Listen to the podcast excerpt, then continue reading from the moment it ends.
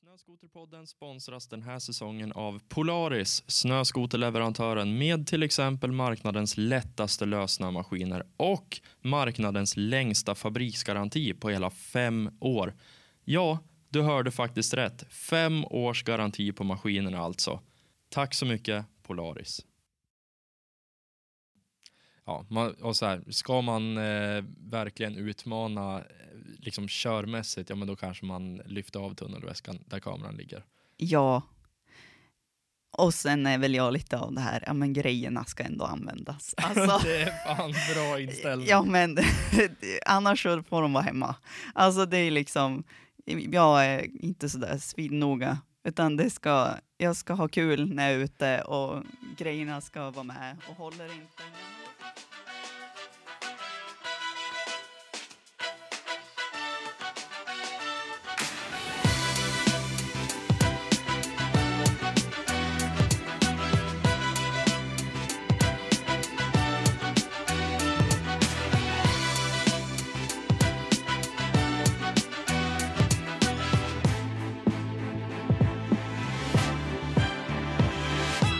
Hej allihop och varmt välkomna ska ni vara till det 27 avsnittet av Snöskoterpodden. I det här avsnittet ska ni få lära känna en riktigt cool tjej som till vardags är en riktig mångsysslare. Hon kör lastbil, hon är frilansande fotojournalist åt tidningar, hon fotar bröllop, hon är ambassadör för både en skoterbutik och ett klädmärke, hon driver ett snabbväxande Instagramkonto vid namn Sledhead Chic, men det allra viktigaste och mest intressanta är att hon under vintersäsongerna, förutom att själv köra en hel del skoter, är en av, enligt mig, landets bästa skoterfotografer som fotar ett flertal olika skoterevent, däribland XX Freeriders. Tjejen jag pratar om heter Evelina Ytterbom och jag är extremt glad att äntligen kunna få presentera hennes namn i podden. Evelina Ytterbom, välkommen till Snöskoterpodden. Tack Erik, vad kul att vara här. Det är riktig ära faktiskt att få bli inbjuden. Jag tycker alltså nöjet är helt och hållet på min sida. Det är sjukt kul att ha det här. ja, ja, tack.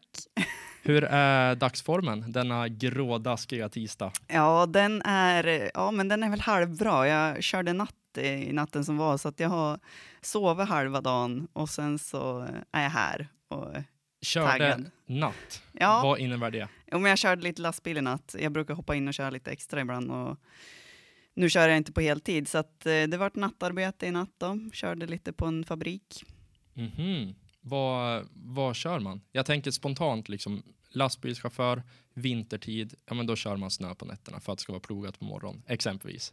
Vad gör man så här års? Vi är liksom i maj. Ja, men eh, åkeriet som jag kör för är ju väldigt, eh, har ju väldigt mycket olika eh, grejer som de kör. Så att, eh, för min del så har det väl varit mycket maskinflyttar och sånt där genom åren när jag jobbar på heltid och sådär. Men nu var det ju då att vi skulle flytta flak som fylldes med diverse material från fabriken. Spännande. Ja, visst. Du, eh, vi är ju från samma by, eller bygd, eller vad man nu säger, strax utanför Sundsvall.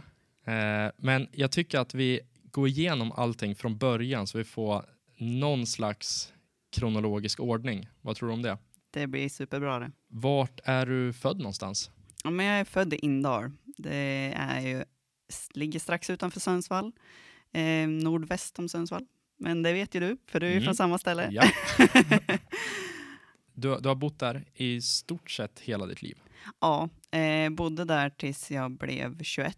Eh, och sen så träffade jag min kille och så flyttade jag till Stöde. Och det är då ja, också utanför Sundsvall, men åt ett annat väderstreck. Det är åt ett helt annat håll. Ja, exakt. Men ungefär en liknande by. Ja, okej, så du du är född, uppvuxen Indal, flyttar sen till Stöde.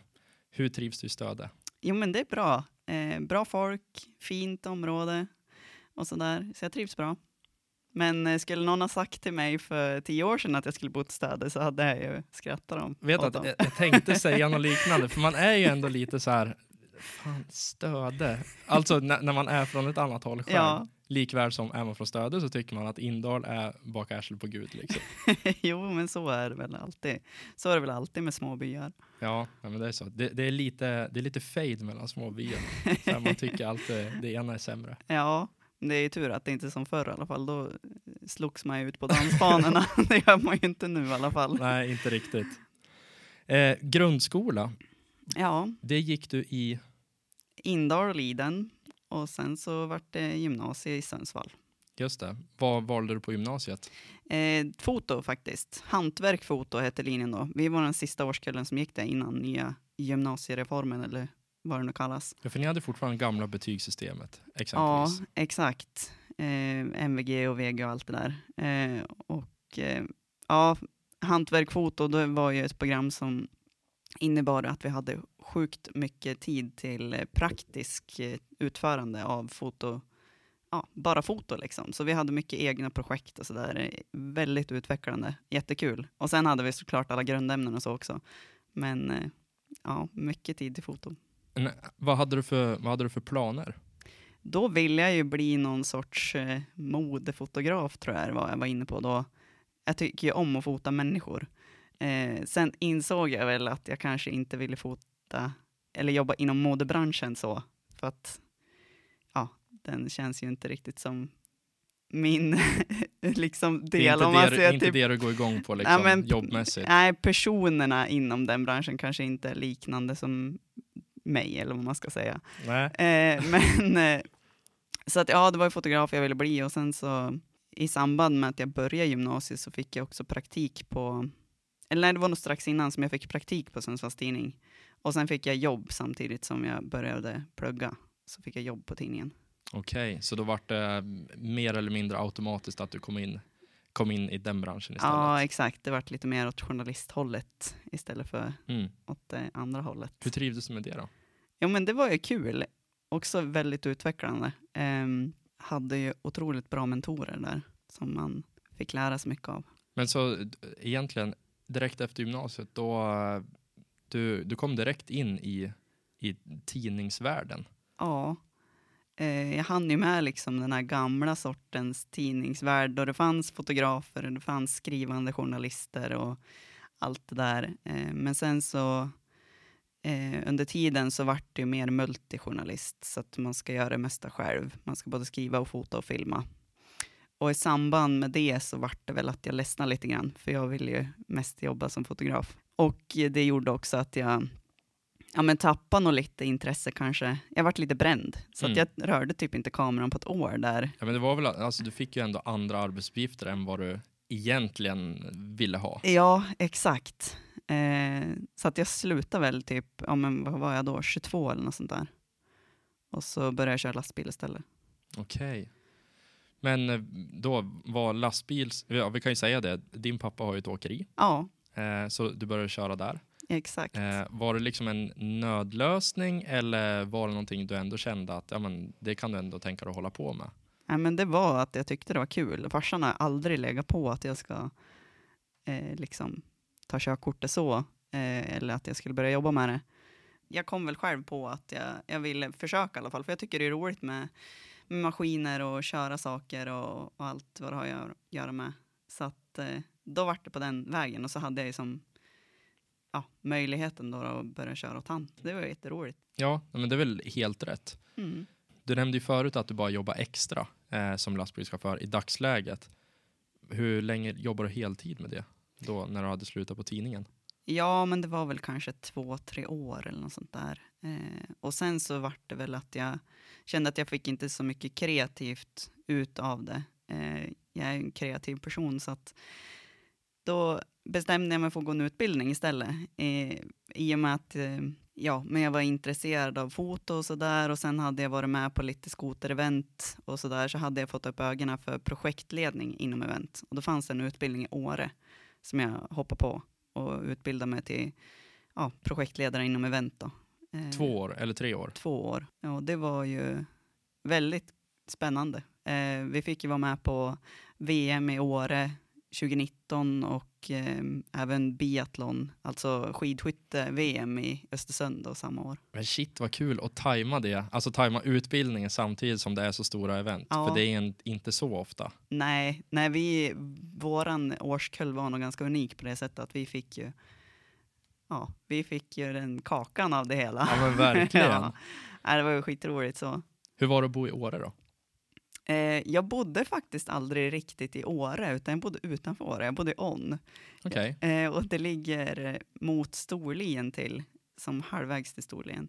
Ja, det är ganska långt ändå. Ja, ifrån. det vart väl kanske ja, tre, fyra mil, någonting sånt kanske, från Åre. Ehm, och men ja, det är ju sjukt fint där runt omkring. Så att, ja, det är eh, galen natur. Ja, det är det ju. Och mycket finare än Åre tycker jag. Så att det gjorde inte mig någonting. Jag, jag har ju som ja, familj, kan man väl säga, som bor där i, i On som jag, jag bodde hos. Då. Så att eh, jag bodde aldrig i Åre. Det var tänkt att jag skulle göra det eh, examens, alltså när vi skrev examen. Men eh, då kom corona i vägen så att vi fick ju aldrig eh, åka tillbaks Det till var Åre. lite bad timing. Ja, för vi var ute på praktik förra våren eh, och sen skulle vi komma tillbaks i april, maj någon gång. Men det vart aldrig, utan vi fick köra på distans. Men vad fasen, åh vilket antiklimax. ja, så jag fick aldrig den där Åre-upplevelsen liksom, som jag hade räknat med. Ja, vad tråkigt ändå. Ja, men eh, jag är väl kanske inte någon, jag sörjer inte för det. Nej, nej men och sen om du, du hade fått kakan i, eh, i mycket annat om Ja. man ser till slalom-VM exempelvis. Ja, exakt. Så nej, jäklar vad roligt. Men eh, jag tänker spontant, eh, eventutbildning, gå ur skolan precis när coronasituationen börjar. Mm. Sjukt dålig timing. Ja. Allting är begränsat. ja, det var sjukt dålig timing. Eh, men jag hade ändå tur. Jag fick ju ändå jobba lite med det förra sommaren på ett kommunalt projekt. Men innan det var färdigt så var det också inställt. Det Ja. skulle genomföras nu som i år. Men eh, ja, eh, jag får ju vara glad i alla fall att man inte hann börja och vänja sig vid att jobba med det. Eh, och så var man tvungen att sluta. Nu Ja. kunde jag ändå hitta på något annat. Så nu körde jag på, efter nyår nu så har jag kört eget som fotograf istället. För Ja, jag tog roligt. liksom chansen då. då. Mm. Sjukt roligt. Mm. Det, på sätt och vis, man kan ju också se det som att det är eh, meningen Mm. med någonting. Ja. Att är så här, ja, men, eh, nu får du istället utlopp för ännu mer kreativitet i form av eget företag och kan styra dagarna lite grann som du vill. Och ja, hoppa in och jobba lite här och lite där. ja, Så Jo. det är för och nackdelar med allt. det är ju det.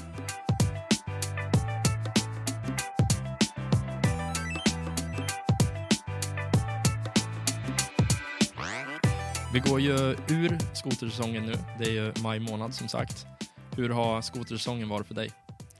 Jo, men den har varit bra. Fast jag hade väl ändå önskat att jag skulle ha kört lite mer än vad jag ändå hunnit med. Som vanligt. Ja, det är alltid så. Är, man, man är sjukt taggad på hösten och slutet på sommaren där och så ladda som fasiken och tänka att nu ska jag maximera säsongen. Och sen kommer snön och så tänker man, ja men den ligger kvar länge.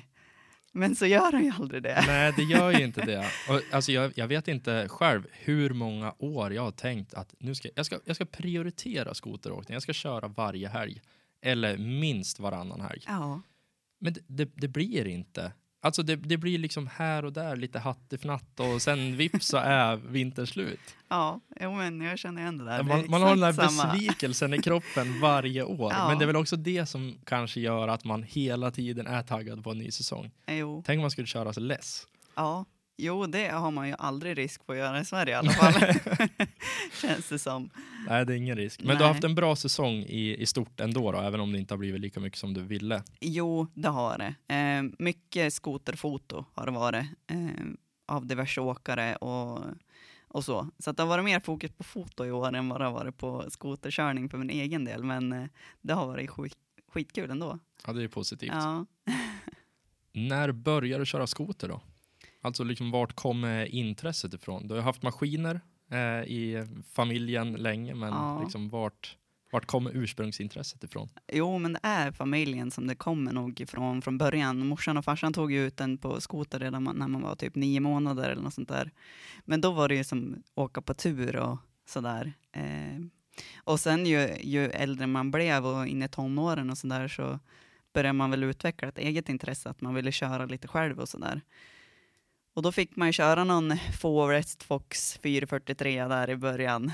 Eh, som farsan hade skaffat eh, som man fick liksom prova på. var ute med han då och hans polare och köra. Ja, det var ju inte friåkning direkt, men det var ju ute i, i skogen. Det var ju ospårat i alla fall. Det kan vara nog mycket äventyr i sig när man är liten och inte orkar burka och bryta tillbaka och sådär. Ja, jo, absolut. Och snårigt och jäkligt som det kan vara här ute på kusten. Så att, eh, ja. Och sen så vart jag ju äldre och fick ju skoterkortet på riktigt då, och då vart det väl att jag köpte någon, ja, lite värre maskin, var en 550 Lynx eh, och fortsatte väl köra, men då vart det väl att man mer ville försöka vara lite, köra lite fränare, så man eh, sökte väl upp eh, grabbarna på byn och försökte komma in i det gänget. Ja, för det, var in, du, eh, det var inte så många tjejkompisar som hade skoter va? Eller som liksom var intresserade av det? Nej, jag hade nog ingen vad jag minns. Inte hemma i alla fall.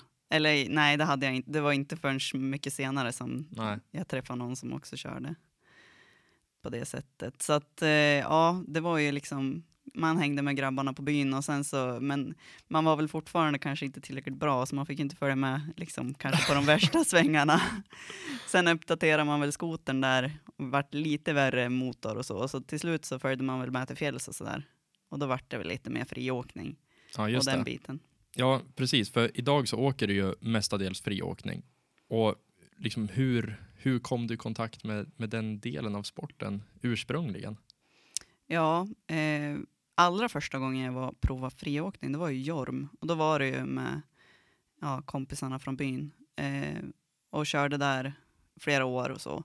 Men sen var det väl första gången som jag faktiskt kände att eh, det var mer än bara att åka med kompisarna var väl när jag var på mitt första tjejläger.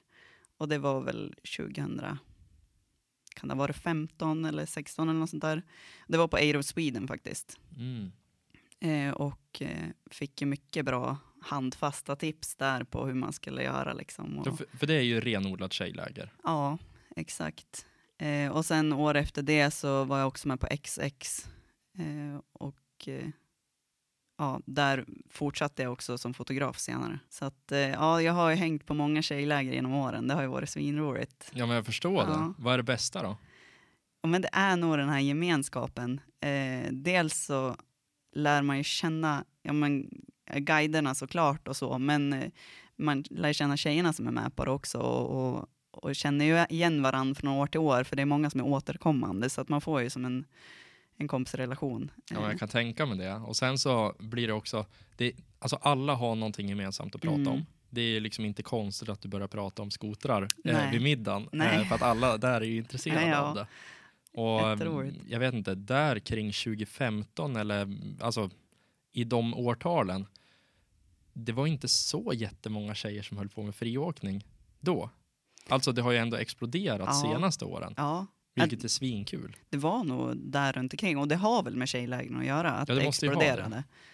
Att, Alla peppar eh, varandra liksom. Ja, det är ju sjukt peppande att köra med tjejer på så vis att alla ger varandra utrymme att utvecklas. Eh, så här, liksom, ja, man kan ju höra liksom i skogen när det är ett tjejgäng som är ute och kör för att det är liksom wow-rop hela tiden och heja-rop och sådär. Så att Ja. ja. ja, det är ju jättekul på så sätt. Det blir på ett annat sätt. Det blir kanske mindre prestationsångest eller så här. Ja, det Mm. handlar mer om att ha roligt och utvecklas efter sin egen förmåga. Mm. Man behöver inte vara bäst, eh, men eh, man kan bli bättre än det man var när man, än sig själv liksom. Mm.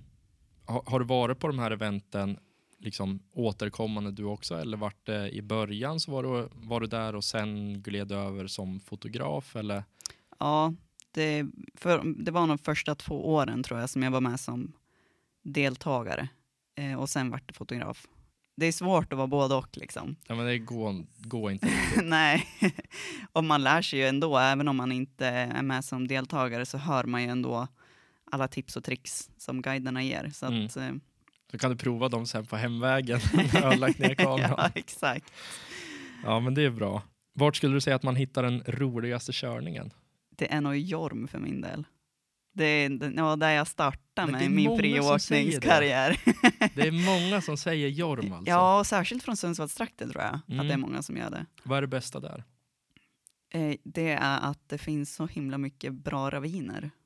Och det är liksom, nu eh, har det exploderat där också, det är fler som åker dit. Så det är inte lika lätt kanske att hitta oåkt som det var för några år sedan. Men eh, nej, det, jag tycker bara det är roligt terräng där. Det är liksom, det, den är inte som någon annan. Det, det går inte att jämföra Jorm och Saxnäs till exempel, tycker jag.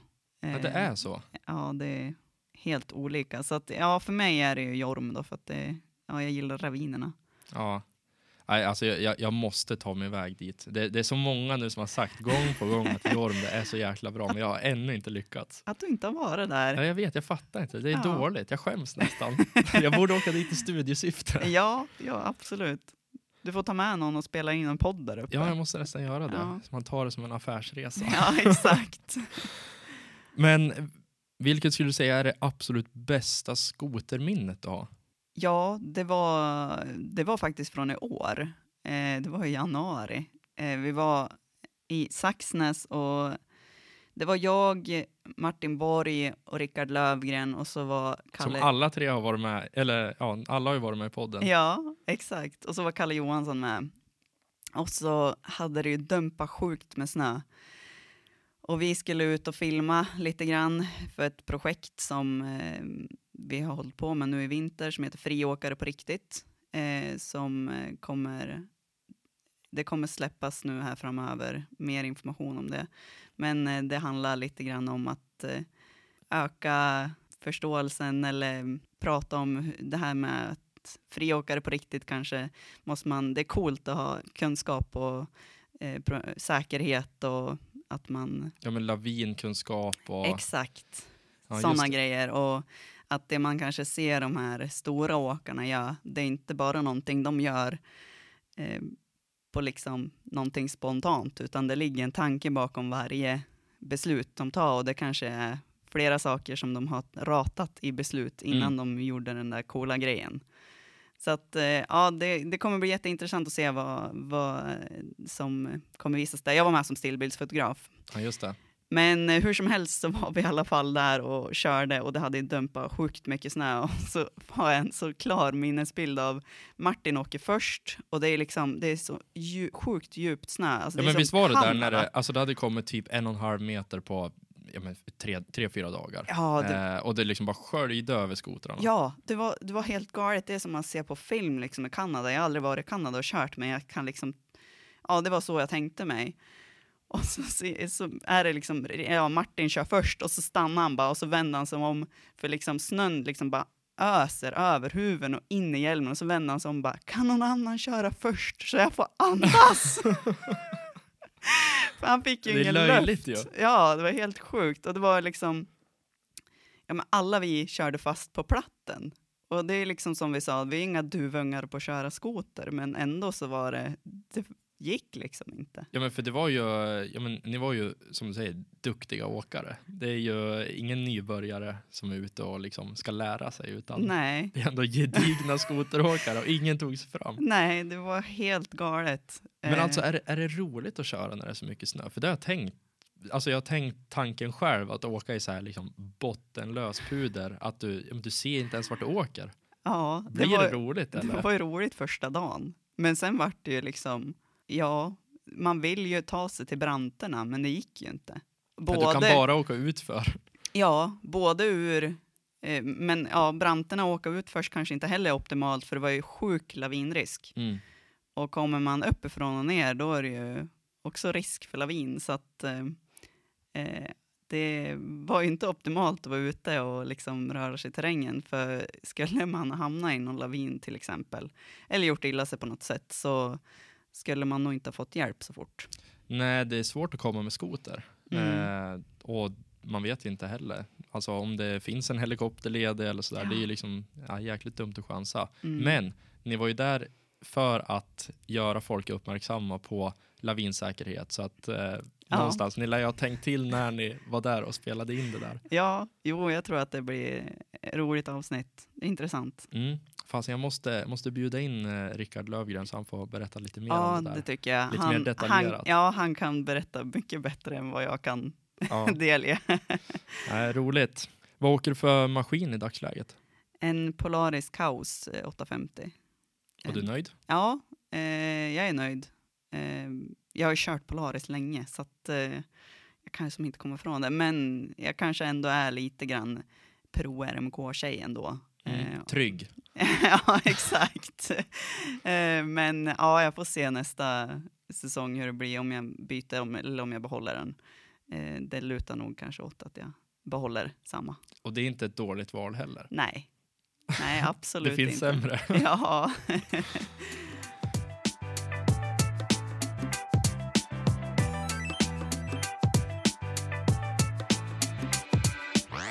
Du är ju en eh, riktigt skicklig fotograf enligt mig. Speciellt när det kommer till att fånga de där alltså, guldögonblicken på snöskoter.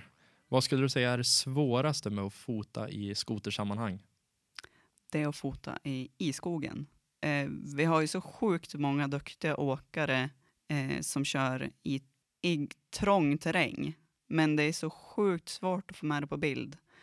Också få med det på film också, eh, vilket vi märkte nu då när vi jobbade med friåkare på riktigt. Det är eh, väldigt svårt att se hur svårt faktiskt det är att köra eh, vissa linjer och sådär.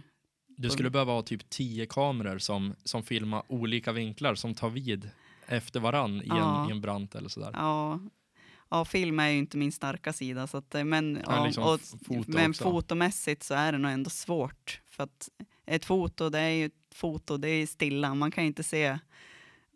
Ja, det är riktigt svårt alltså. Ja, Jag förstår det. Ja, så att eh, de som klarar av den typen av foto i, ja det, det är nog, de är riktigt duktiga. Ja men för, alltså om jag tänker själv utifrån, jag kan inte fota, men om man tänker så här att du vill ha en, en bild i en teknisk linje ehm, där du kanske där du står ovanifrån och fotar när någon kommer upp för eller sådär. Mm. Du ska ju dessutom vara ganska duktig att köra skoter med också mycket packning eh, Mm. med kameror och grejer. Mm. Alltså det är ju liksom två dimensioner av att fota snöskoter. Du ska ju både kunna ta det till de ställen och inte liksom sinka allt för mycket de här Ja. duktiga åkarna du fotar. Absolut. Alltså, man måste ju någonstans ha någon sorts nivå i alla fall så att man kan ta sig till samma ställen. Sen kanske man inte tar samma, samma linjer, men eh, det finns ju alltid enklare linjer att ta, så är det ju. Man men, vill ju kanske slippa och pulsa 100 meter. ja, gärna det. Eh, särskilt när man ska gå upp för det är inte det så kul. Men eh, det, det utvecklas man ju på också liksom, själv. Det är väl därför jag, tyck, jag tycker det är kul att köra skoter och jag tycker det är kul att fota. Eh, vissa dagar så tar jag aldrig fram kameran. Och vissa dagar så kan jag tycka det är kul att ta fram. Men ja, Vad är roligast då? Skoter eller fota? ja det är nog ändå skoter tycker jag. Bra svar. Ja. det är en helt annan adrenalinkick i det som inte går att få fram i foto. Hur Ja, mycket man än försöker. Du, en sak jag tänkte på där när vi pratade om att köra med riktigt duktiga åkare. Vad skulle du säga är det svåraste att fota? Alltså vad är det svåraste med att fota riktigt duktiga åkare kontra att fota glada amatörer? Vad är liksom, vad, vad blir skillnaden? Om man ser till nybörjare så är det ganska enkelt att få till relativt fräna bilder om man använder vid vinkel på en myr till exempel och kommer väldigt nära och ja, men man får en lite fränare upplevelse. Det kan man ska, göra ganska enkelt. Men en duktig åkare, då ska man ju verkligen fånga hur svårt det är, det där tricket de gör. Och det är inte alltid att det går. Eh, I stillbild eh, kan det ju vara man kan inte förstå, alltså i stillbild ser man ju inte hur de rör sig. Mm. Samtidigt som det är lättare att fuska med stillbild och få en frame som är bra. Så att Ja, ibland precis. kan de ju göra någonting som är fränt och sen kraschar de. Men eh, ja, Ja men för någonstans typ en, eh, ja men vad ska vi ta som exempel, en eh, 270 whip, liksom när du whippar snett, det blir typ en bakåtvolt fast ändå snett. mm, Den, den, ett sånt coolt trick, det, det görs ju inte riktigt bra på stillbild. nej, Du får ändå ingen riktig känsla för hur sjukt det där tricket är. nej, exakt. Det var något sånt jag hade i tanken när jag menade det där också. Ja. Det är svårt att visa det. Nej, jag kan tänka mig det. Det blir eh, svårt, att, svårt att göra det tydligt för åskådaren vad, vad bilden vill förmedla. Ja, alla kan ju liksom ta upp mobilkameran, bränna av lite bilder, men om man skulle vilja börja fota lite mer seriöst, vad ska man då tänka på som, som nybörjare? Ja, man ska nog inte i alla fall börja för, för svårt. Alltså många tänker att det sitter i kameran, att det är den som gör bilden. Men man ska nog i alla fall börja lite enklare. Man kan börja med mobilen och liksom utforska eh, komposition och sådana grejer. Men sen om man vill fortsätta att köpa någon värre kamera eh, så ja, dels så är det ju bra att lära sig hur själva kameran fungerar. Eh, det går ju bra att köra på auto, men det är inte alltid optimalt. Så det kan vara bra att gå igenom inställningar och sånt där och ha koll på, på basics. Eh, sen om man rent teknikmässigt och vad man ska ha för sorts utrustning så eh, om man ser till objektiv och sånt där så använder jag 70-200 väldigt mycket eh, och vidvinkel.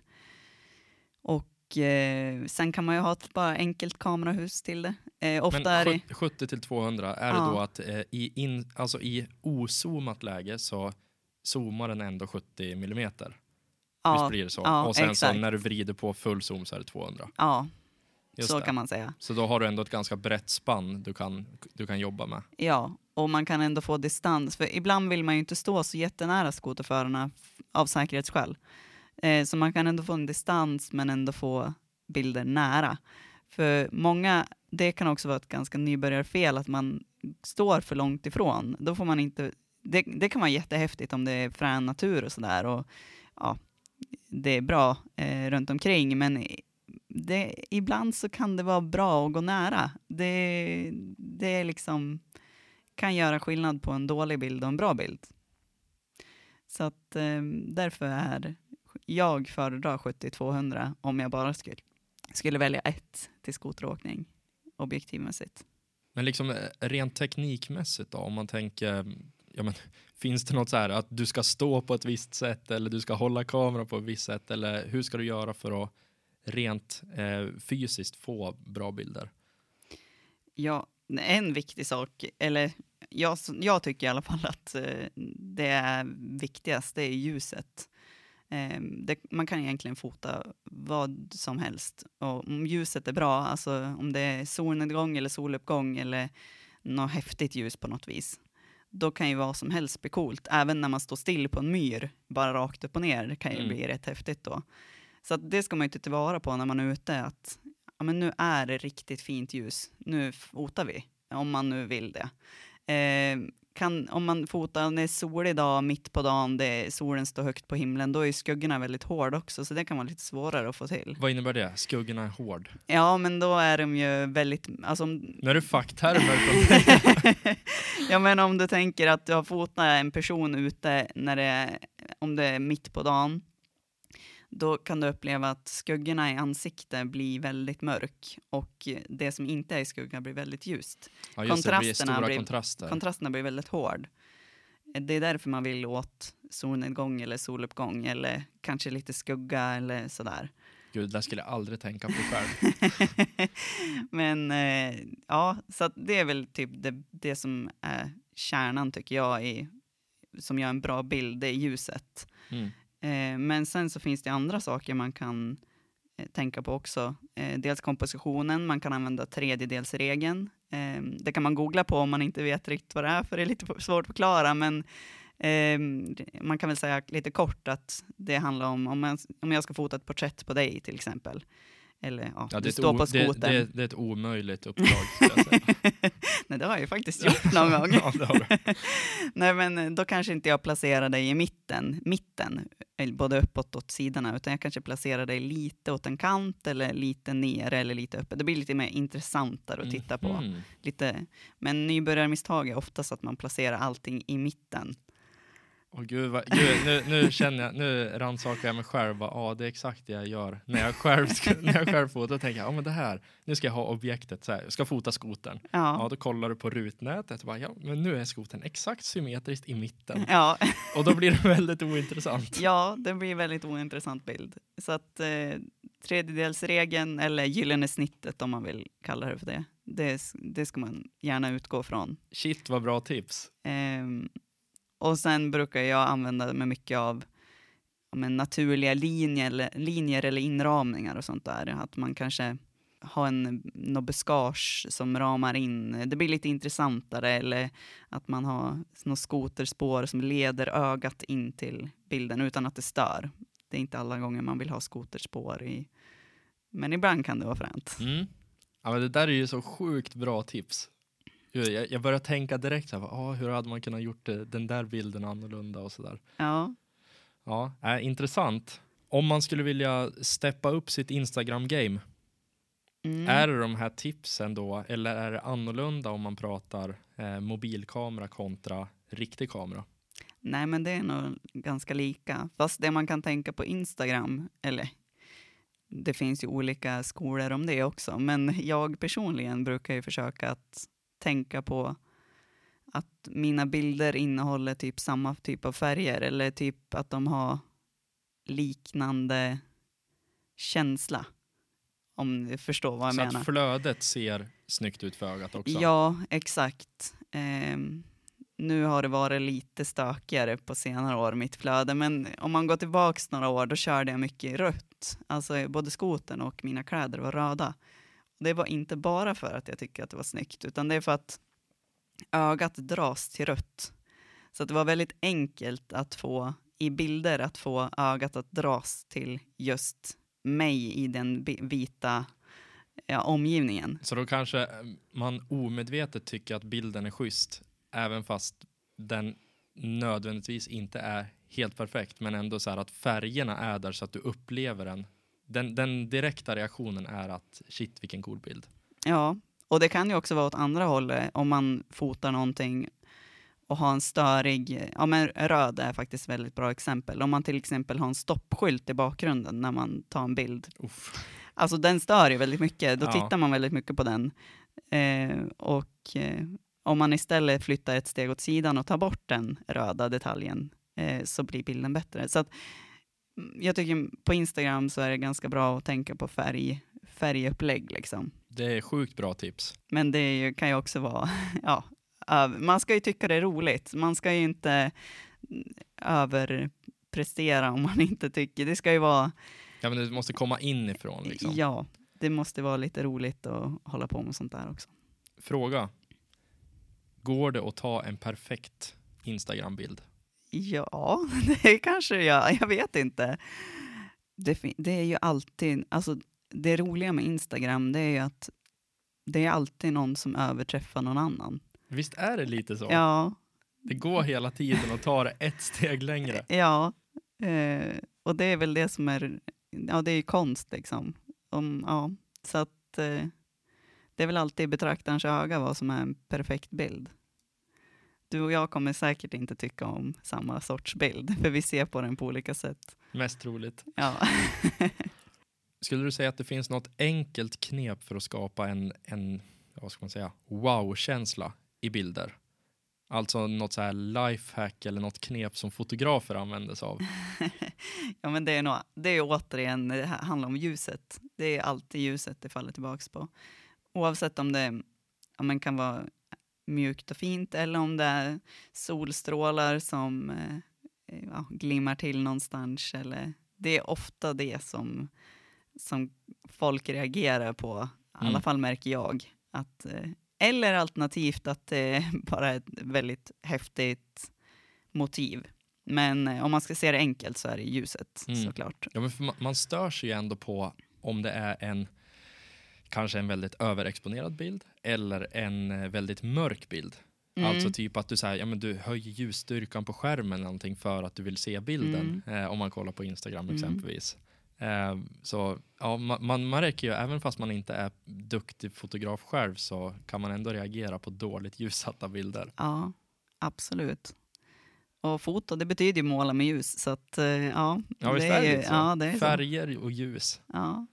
Nej, men så att, eh, och jag brukar använda lite grann ibland om man vill ha sån här, jag vet inte om du har sett ibland att man kan fota en sol och så är den, ja men man ser alla solstrålar. Mm.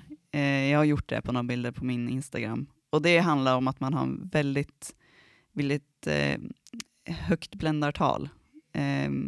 Då måste man ju lära sig lite grann hur kameran Det funkar. låter jättekomplicerat. Men, Men, men då kan man få till de effekterna i alla fall. Att eh, solen blir väldigt, eh, eller lampor får det här. okej, du får de här långa ljusstrålarna eller? Ja, att de ser ut som eh, ja, men en taggig sak liksom. Ja, just det. jag vet inte hur jag Men ska det där förklara går det. ändå att, att leka runt rätt mycket med när man, när man förstår det och när man har hittat inställningarna. Mm. Då går det att hitta rätt mycket, mycket grejer som gör bilderna intressant. Ja, absolut.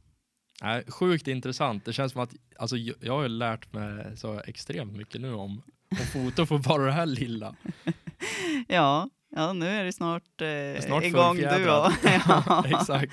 Ja, det är, det är kul. Man kan ju aldrig bli fullärd. Så att, eh, och jag känner väl också att det finns så sjukt många duktiga skoterfotografer. Jag fattar inte hur jag någon gång ska bli lika duktig som dem. Men det är ju bara att träna och träna och träna. Ja, men, och det som är så jäkla roligt med, med foto generellt, det är ju ja, men, dels som du säger, man blir aldrig fullärd, men också att det blir nya eh, situationer hela tiden. Mm. Så att du kommer ju aldrig uppleva exakt samma stund som du har fotat för en vecka sedan. Det kommer du aldrig uppleva igen. Utan det är Nej. hela tiden nya Ja. situationer, nya ljussättningar, nya miljöer Ja. oftast. Ja, det är nästan omöjligt om man inte fotar i studier att återskapa en bild. För Mm. man har ju aldrig de liksom, förutsättningarna någon fler gång. Särskilt i skoteråkningen där är det aldrig samma förutsättningar. Nej, det är det som är så sjukt intressant. För det jag själv känner när man är ute, det är att man ångrar sig alltid när man kommer hem en dag och sen så har du inte fotat, för då har Ja. du liksom inte kvar, ja visst du har kvar minnena, men du har ändå inte kvar den där känslan som Mm. du hade på dagen. Likväl som man kan också vara så här, det är så roligt att köra så att jag orkar inte ta upp och fota. Ja, Det är på två sätt. ja, ja, det händer ju allt för ofta att man kommer hem och, och typ känner att oj, jag skulle kanske ha tagit någon bild för att det är bra att ja, men, ha kvar eller ja, men det är kul att minnas tillbaks till och sådär. Men ja, det är ju roligt att köra så att det är inte huvudprioriteten när man är ute oftast och fotar liksom. Nej, men det blir lite så Det omedvetet på något sätt. Mm.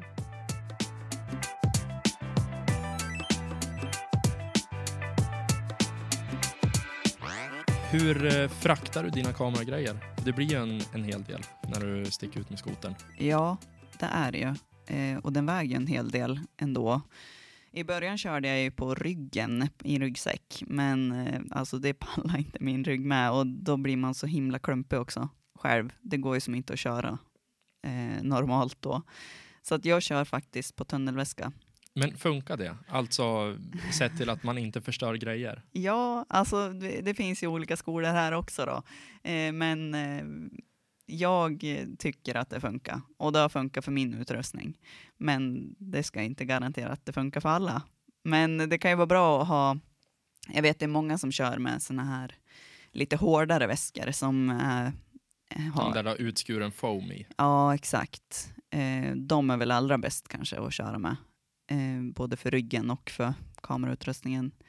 Jag kör, jag har en vanlig skoterväska eh, som jag har lagt i en eh, insats från en vanlig eh, fotoväska. Mhm. Så att Som jag har- ryms i tunnelväskan. Exakt, så att jag har ju också foam men det är inte lika, den är inte lika tjock. Nej, just det. Och sen har jag ju hårt skal på själva väskan. Mm. Ja, man, och så här, ska man eh, verkligen utmana eh, liksom körmässigt, ja men då kanske man lyfter av tunnelväskan där kameran ligger. Ja. Och sen är väl jag lite av det här, ja men grejerna ska ändå användas. Alltså, det är fan bra inställning. ja men annars så får de vara hemma. Alltså det är liksom, jag är inte sådär svinnoga, utan det ska, jag ska ha kul när jag är ute och grejerna ska vara med. Och håller inte, ja men då finns det försäkringar. ja, det är jäkligt bra. Det, det är rätt inställning. Det finns liksom inga genvägar till den där riktigt bra bilden. Nej, jag tycker inte det. Eh, I alla fall om man ska ja, men tänka att man ska ha kul själv, alltså på vägen dit. Ehm, och sen tar jag hellre med kameran en gång för mycket än en gång för lite. Absolut. Nej, bra svar.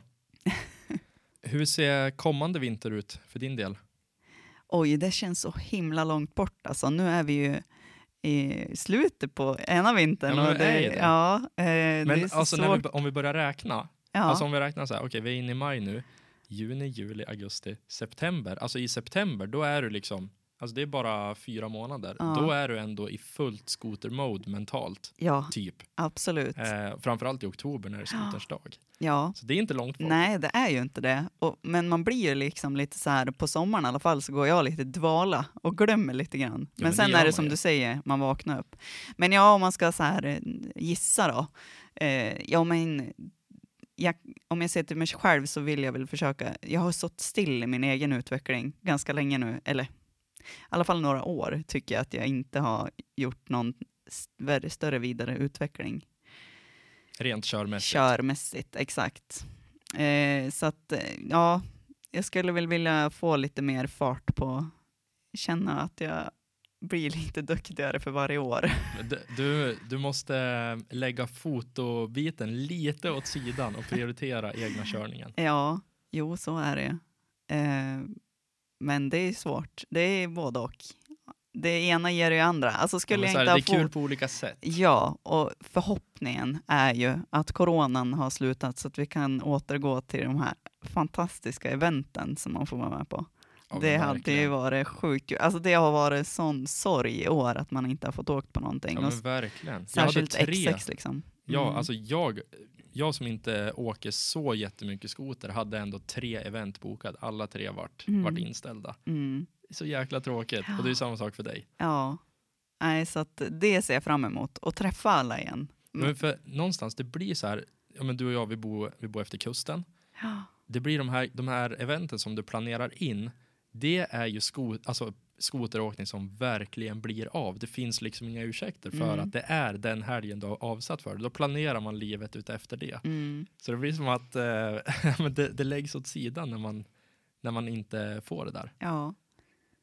Nej men eh, ja, så att det ska bli, ja jag hoppas att det, det, det rättar till sig lite grann inför dess så att vi kan ha lite mer gemenskap. För hur den är, så skoteråkningen och liksom den branschen, det är ju sjukt bra gemenskap tycker jag. Ja, Eh, verkligen. Det Sjukt bra människor. Ja, och det saknar man ju när man inte får träffas. Verkligen. Nej, det, det håller jag helt och hållet med om. Om vi kollar lite längre fram. Har du några mål eller drömmar som du skulle vilja förverkliga? Ja, den är ju svår.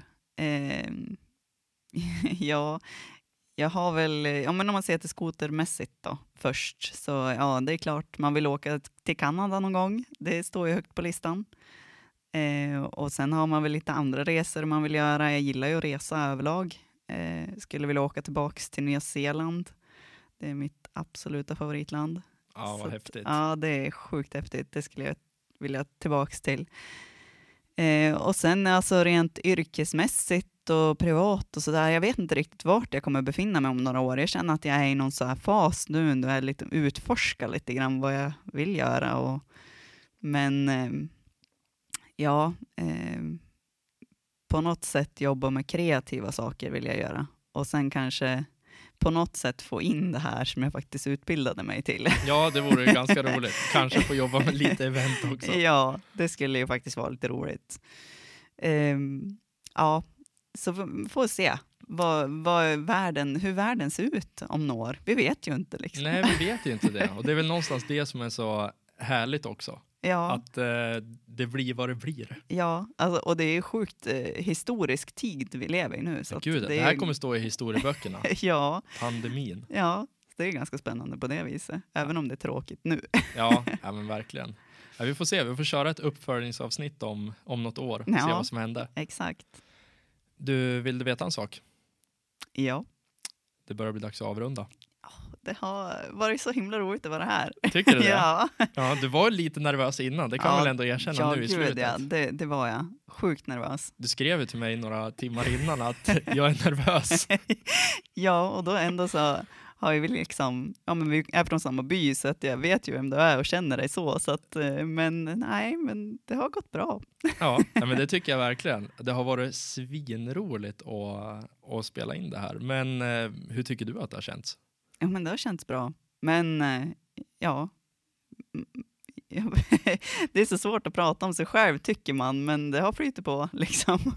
Ja, det, det har ju gått. Alltså vi har ju spelat in i ja, ungefär en timme.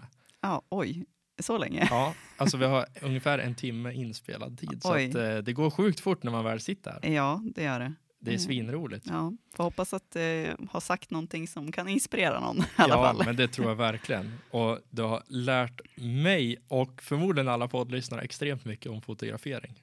Ja, kul. Riktigt roligt. Om man skulle vilja komma i kontakt med dig, hur gör man då?